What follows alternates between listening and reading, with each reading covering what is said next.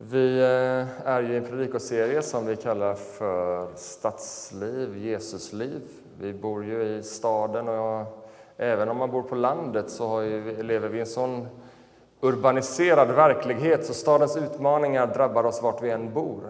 Eh, och den här serien är hämtad ifrån Första Korinthierbrevet där Paulus skriver in i en storstadsmiljö och de utmaningar man möter där. Och idag ska vi lyssna till Pierre när han talar över del 4 eh, och också då kap, eh, kapitel 3. eller? Eh, del 4, kapitel 3 i Första Korinthierbrevet. Ska vi ställa oss upp och lyssna till eh, Guds ord? Jag ska läsa från kapitel 3, vers 10 och framåt. Med den nåd som Gud gett mig har jag som en kunnig byggmästare lagt grunden och nu bygger en annan vidare på den. Men var och en måste tänka på hur han bygger. Ingen kan lägga en annan grund än den som är lagd, Jesus Kristus. Om någon bygger på den grunden med guld, silver och ädelstenar eller med trä, hö och halm så ska det visa sig hur var och en har byggt. Den dagen ska visa det, för den uppenbaras i eld och elden ska pröva hur vars och ens verk är. Om det verk som någon har byggt består ska han få lön, men om hans verk brinner upp ska han gå miste om lönen. Själv ska han dock bli frälst, men som genom eld. Vet ni inte att ni är Guds tempel och att Guds ande bor i er? Om någon fördärvar Guds tempel ska Gud fördärva honom. Guds tempel är heligt och det templet är ni. Bedra inte er själva. Om någon av er tycker sig vara vis i den här världen måste han först bli en dåre för att bli vis. Den här världens visdom är nämligen dårskap inför Gud. Det är så skrivet, han fångar de visa i deras slughet och vidare, Herren känner de visas tankar och han vet att de är tomma. Därför ska ingen skryta över människor, för allt är ert. Paulus, Apollos och Kefas, världen, liv och död, nutid och framtid. Allt är ert, men ni tillhör Kristus och Kristus tillhör Gud. Så lyder Herrens ord.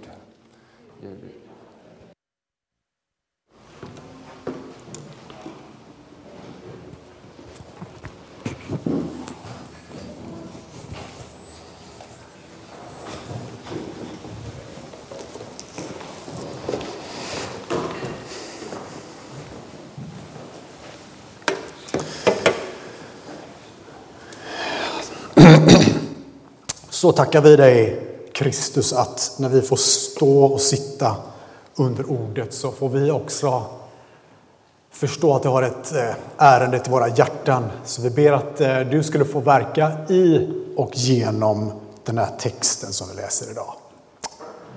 Amen.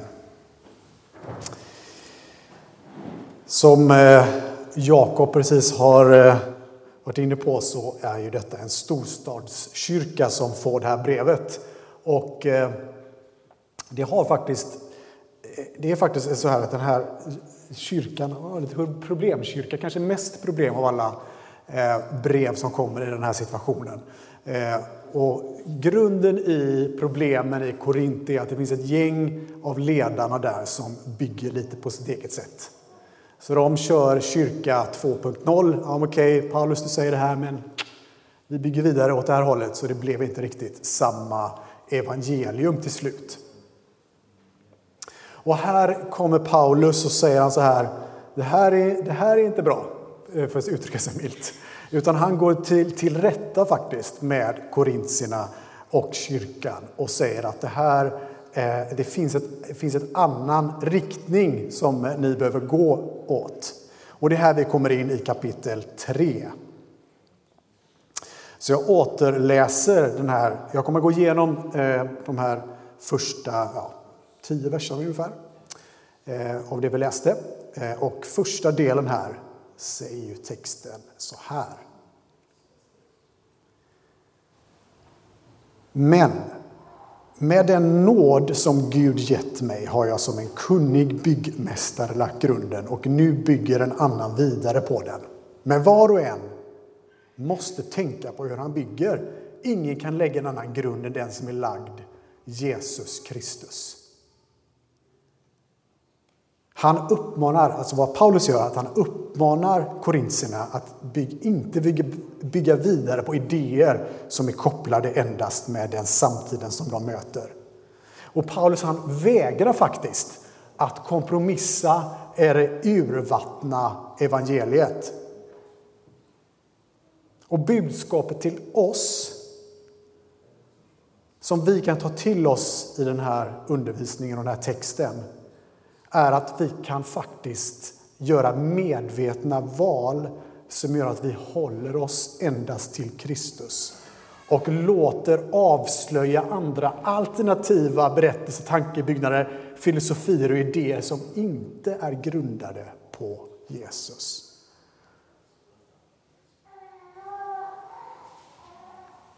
Evangeliet är, skulle jag säga, heltäckande i att den berättar hela ditt läge, dina problem, ja till och med lösningen på problemen. Jag skulle till och med gå så långt som att säga att evangeliet som det berättas i Bibeln är heltäckande och perfekt.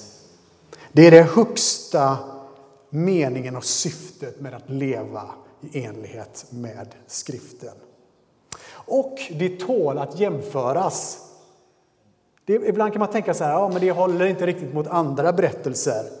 Det tål att jämföras. Testa gärna Jesus som filosof.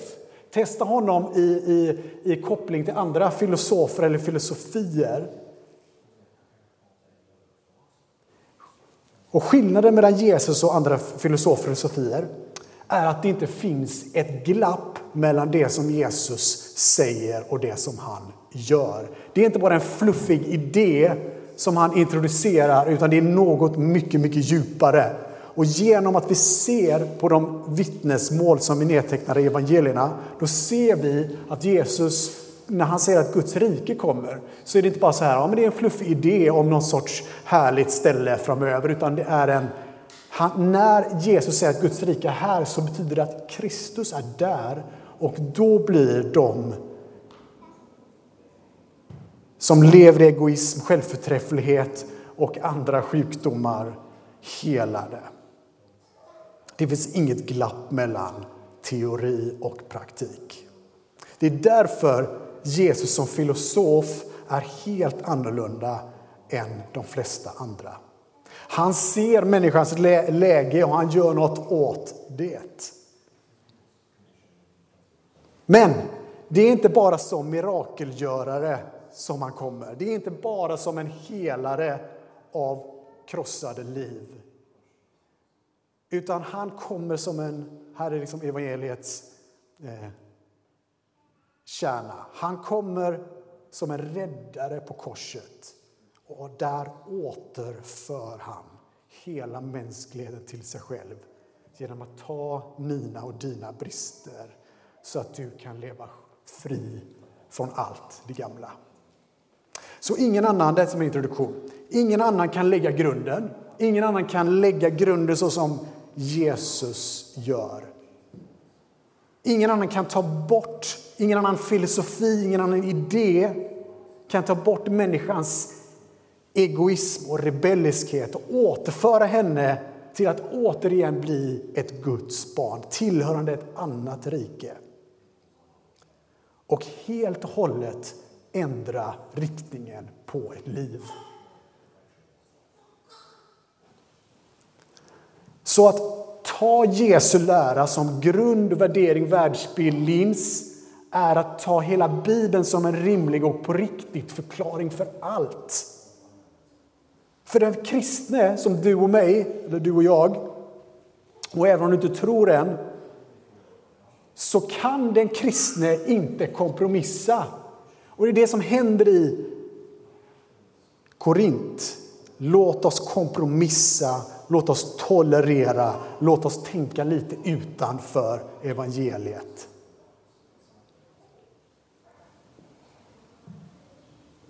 Det går inte att som kristen tolerera att drivas av alternativa berättelser av, gammalt, av det gamla livet eller av synd. Evangeliet är därför inte bara allmänna råd för att leva lite bättre, en liksom självhjälpskurs. Lägg till det här bara, så kommer du bli bättre, en bättre samhällsmedborgare.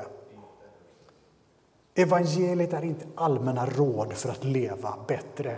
Jesus är ute efter ditt hjärta. Jesus är ute efter ditt hjärta. Lite läskigt. Ja, men allt är ute efter ditt hjärta. Så tänk inte så här. Alltså alla idéer, filosofier, världsbilder, eh, ismer är ute efter ditt hjärta. Så alla berättelser som du hör här ute, de vill ta tag i hela dig och åter, eller inte återföra, de vill föra dig till en plats där du ska göra som filosofin säger. Alla ger vi oss själva till något. En del ger sig till sina jobb, andra ger sig till ett livsmål, andra till sin hobby, andra till sin familj. Vad det än är så är vi tillbedjare, varenda en av oss.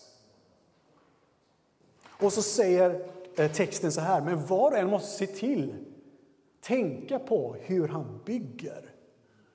Och här helt plötsligt, som så, så, så, ofta sker i skriften, så bränner det till lite grann och helt plötsligt så blir det både en uppmaning till eh, ledarna i Korint som först hållet detta kommer till som adress, men det kommer också en adress till oss. Se till, fundera på, reflektera hur du bygger? Vilken lära går du vidare med?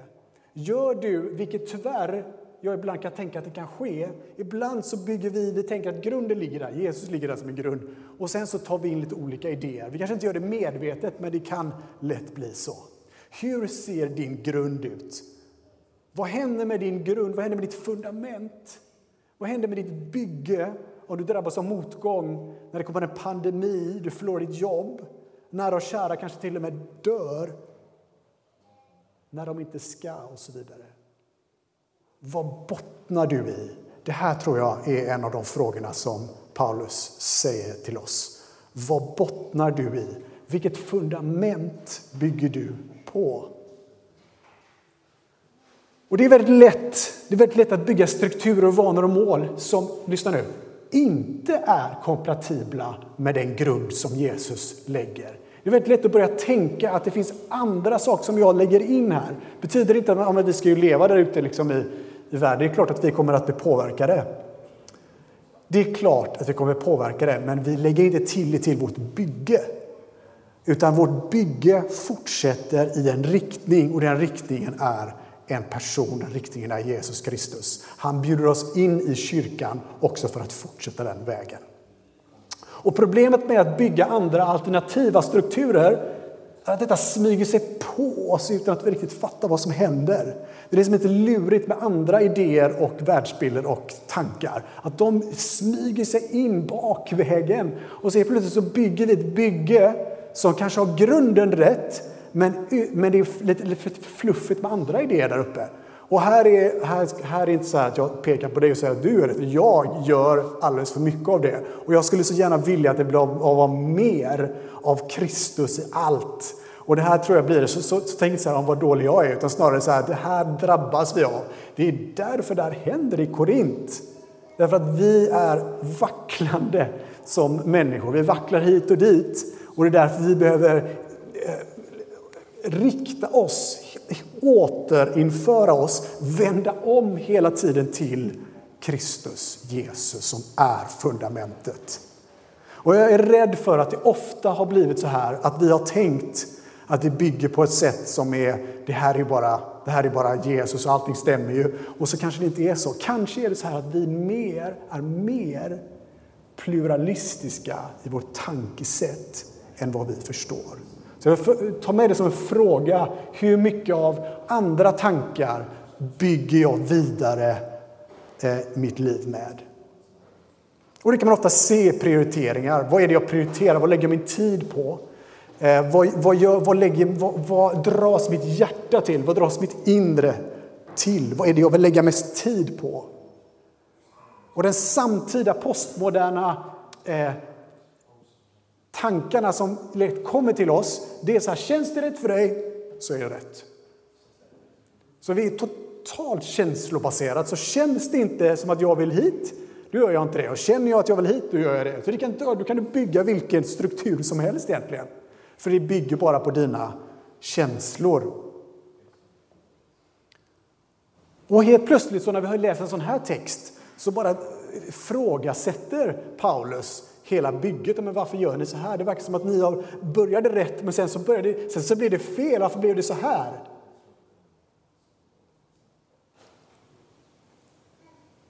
Om du lägger till på ditt bygge idéer som... Jag kan kombinera vilka idéer som helst. Jag kan ta lite här, jag kan ta lite där. Eh, jag kan, jag kan säga så här, det är ett smörgåsbord. Jag tar lite Kristus, tar hans lite lära. Vissa saker gillar jag inte så mycket, så de hoppar jag över. Eh, moralliv och sådär, det är inte riktigt för mig. Exempelvis, nu raljerar jag lite grann, vi säger det. Eh, och det finns andra saker som du kanske bara hoppar över medan Jesus vill, och jag tror att eh, Paulus vill dras in till förståelsen att det här handlar om att hela våra hjärtan behöver återigen bli riktade till Kristus. Du kan inte kombinera vad som helst med Gud. Du kan inte lägga till ett moraliskt utsövande liv till läran. Ja, men det var väl hårt. Det ska inte vara lite mer så här, kan vi inte bara få hänga med och så det som funkar för dig funkar ju för dig. Där har du den moderna, postmoderna berättelsen. Och då är det väldigt lätt att man retirerar till och säger bara, ja men vänta nu här, det får inte bli lagiskt. Vi kan väl inte alla följa precis så här eh, som det ska vara, eller det blir lite för rigidt, eller vad, vad tänker vi nu om det här? Vi vill ju i den här kyrkan inte bli en lagföljande kyrka på det sättet att vi vill att nu, om inte du liksom är, är, här framme nu direkt här nu så då, då får du gå hem och så, så får du komma tillbaka så du är fixad. Utan vad vi tror är på, inte bara, men vi tror på processer med vårt hjärtas riktning och vilja. Att vi vill följa Kristus i allt. Vi vill inte säga det här tillhör inte, det här där borta, det, det, det, det är lite jobbigt så därför så, så lämnar jag det. Utan det som är jobbigt och tufft är där som vi säger, Gud den här delen av mitt liv, den vill jag också låta komma under ditt herravälde. Den vill jag också låta bli nedsänkt i din närvaro. Jag vill lämna över det jobbiga som jag kämpar med. Så kanske är det så här, eller inte kanske, jag tror faktiskt att det är så här att kristen tro är mycket smalare än vad vi ibland tänker. Postmodernt tänkande, vilket är väldigt brett och fluffigt, många olika idéer samtidigt blandat där. Men ofta så tänker vi så här, ja men det är rätt så brett. Nej, det är inte rätt så brett. Det finns utrymme och bredd när vi väljer att vända våra, hela våra liv till Kristus. Så finns så mycket utrymme som helst. Då finns det glädje, och det finns bredd och det finns bara, åh, här kan jag leva. Men utan att jag säger den här delen också Gud vill jag lämna till dig. Den här vill, jag vill också jag vill följa dig med allt. Varenda millimeter av mitt hjärta och mina vanor och mina idéer och mina tankar vill jag lämna till dig. Det kommer att göra dig till en perfekt människa, men det kommer att göra att din riktning blir annorlunda. Det är mer smalt och på den vägen så är det inte så vingligt. Man bara, oj, nu ramlar jag, nu ramlar jag av där och nu blir det fruktansvärt. Utan på den vägen så är det, finns det balans, för Gud ger oss balans. Det är, inte, det är lite, faktiskt lite mer av antingen eller. Lite mer antingen eller än lite av varje. Lite av varje här, lite av varje där. Nej, säger vi. Stanna hellre på vägen där det blir lite antingen eller. Och Paulus han viker inte av, han säger inte så här, men det är okej. Det är okej så som ni bygger, ni kan göra er grej här. Ni kan göra er grej i Korint, så kör vi en annan grej eh, på några andra orter. Ni kan göra er egen grej, men utan han säger så här, nej det går inte det här riktigt. Nu får ni tillbaks till vägen. Och så blir också ett tilltal till oss. Vi behöver tillbaks till vägen om vi råkar spåra ur. Och det här är inte bara korintierna som har det här problemet. Eh, I Galaterbrevet så, så säger Paulus så här i Galaterbrevet 1.68. Jag är förvånad att ni så fort överger Jesus som har kallat er genom Kristi nåd och vänder er till ett annat evangelium fast det inte finns något annat. Det är bara några som skapar förvirring bland er och vill förvränga Kristi evangelium. Men även om vi själva eller en ängel från himlen skulle ge ett annat evangelium än det vi har predikat, då ska han vara vad? Under förbannelse. Hårda. Lite så här, det är inte bara ja, men det går väl bra. Ni kan väl köra er grej där, så kör vi er grej där. Nej, det funkar absolut inte. Utan det här liksom, nej, är det så här, ja men det, ska vi vara så rigida verkligen? Ska det verkligen vara så hårt? Det är inte hårt. Det är en inbjudan att följa evangeliet så som det är i sin genuina, perfekta startpunkt. Och vad är det för startpunkt? Det är Jesus Kristus som dör uppstånden. Det är där vi alltid kommer tillbaks. Och när vi börjar prata om att nej, men istället för att eh, vi ska tänka att det bara räcker med Kristus så kan vi också, som de gjorde i en del kyrkor, den tidiga kyrkan, kan vi inte bara lägga till lite andra grejer? Lite omskärelse, lite så här, vi får lite lag. Det är väl okej, okay. vi, vi, vi kör en egen variant där. Då säger Paulus rätt så tydligt och den tidiga kyrkan, nej, det är inte okej. Okay. Så hur ska man då veta att man bygger vist? Hur ska man veta att man bygger vist? För det står så här i texten från vers 12. Om någon bygger på den grunden, alltså Kristus med guld, silver och ädelstenar eller med trähö eller halm, så ska det visa sig hur var och en har byggt. Den dagen ska visa det, för den uppenbaras i eld och elden ska pröva hur vars och ens verk är. Och poängen är inte att vi ska skapa ett A och ett B-lag. Så här, ja, men vi som bygger med liksom bra material, vi, vi är liksom riktiga kristna. Och sen så finns det alla andra, de som är, så här, som är lite backslidden och lite, så här, det är lite märkligt, och, eller de som inte tror, de bygger ju med hö och sådär. Det tror jag inte är det som vi tar ut av det här, den här texten. Utan jag tror att vad Paulus vill göra och vad som blir adresserat till oss är att tänk på hur vi bygger. Tänk på hur du bygger. Vad är det som har evigt värde? Och att våra val faktiskt betyder någonting. Vad vi lägger vår tid, vår prioritet på, betyder någonting. Vad betyder den dagen? Vilken dag pratar Paulus om? Dagen vi pratar om här är dagen då vi lämnar jordelivet eller att Jesus kommer tillbaka, vilket som sker först.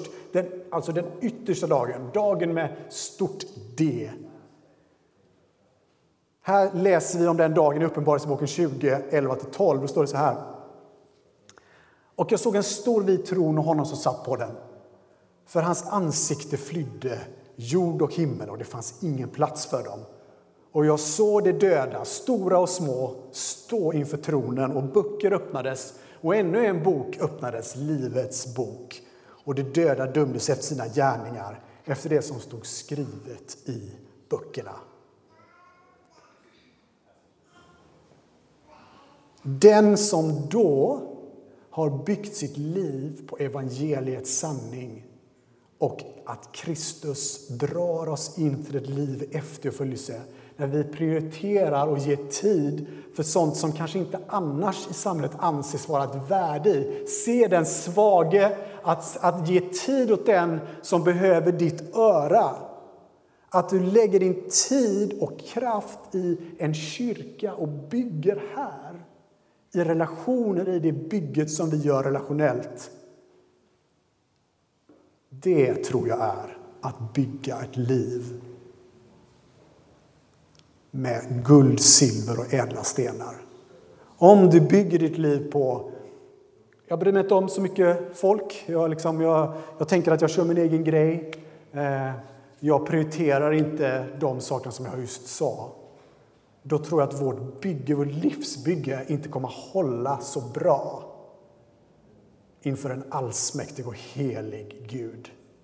Så det är ett allvarsord, men det är också en, en, en öppning. Ni förstår, Jesus och, och hela, liksom, hela skriften andas både så här, det här går inte bra, det är inte tolerans. Allting tolereras inte, du kan inte leva hur som helst. Men du blir inbjuden som en förlorad son och förlorad dotter Antingen så är det den förlorade sonen som har sprungit iväg och bara vänt Gud ryggen totalt. Och där finns det en öppen famn. Eh, Gud, Fader själv, rusar fram till dig. Och upp, när du säger så här, jag har gjort fel, det här funkar inte. Mina val, det gick inte så bra det här. När du vänder ditt liv så finns det en öppen famn. Och lika mycket kan det vara så att vi sitter som den andra förlorade sonen i berättelsen. Jag kommer inte läsa den för jag har inte tid för den. Som den andra, han, är, han vet om, han har suttit i kyrkbänken hela sitt liv. Men är ändå inte speciellt glad utan mest tjurig. Och tänker att nej, det här...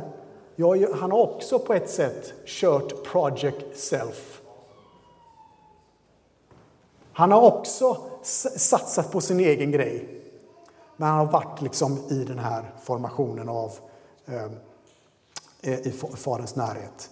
Hur du än bygger, vilket projekt du än bygger på, så kan det vara så här att du inser, både när du hör den här texten, så inser du att jag har lagt alldeles för mycket tid på mig själv. Jag har eh, tätt, mest tänkt på mig själv. Vad mår jag bra av? I en relation så kanske du tänker, vad ska jag få ut av det här? Så du tittar på den andra personen om du är gift, eller behöver inte vara gift bara, men oftast är det där det här uppenbaras.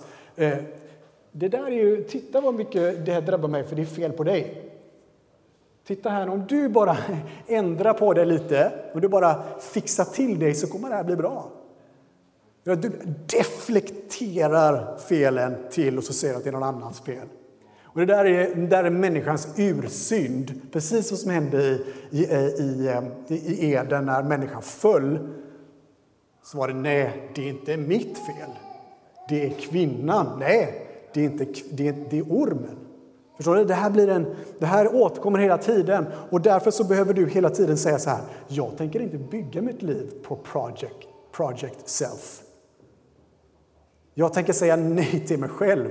Och det är det som Jesus menar när han säger att du ska förneka dig själv. Och då säger man, men bygg inte bara din egen grej.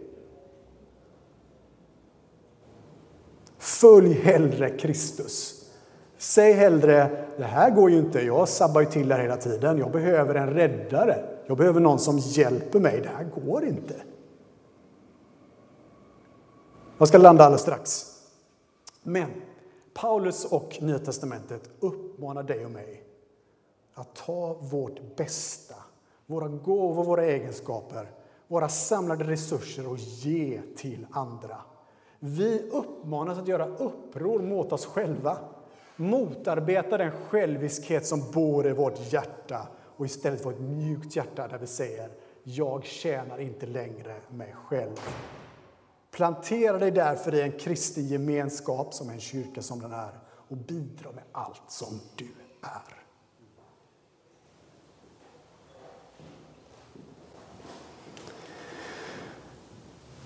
Jag ska landa i den här sista delen på texten. Och då är det så här som det står. Hur mycket tid har jag kvar? Hur, mycket har jag, hur länge har jag pratat egentligen? I 28 minuter. Oj, det var länge. Då ska jag göra en snabblandning här. Eh, var det verkligen 28 minuter? Alltså? Oj då. Vi brukar säga 25, så här, att vi brukar hålla oss till det. Men nu när jag pratar om detta så går jag under minuterna.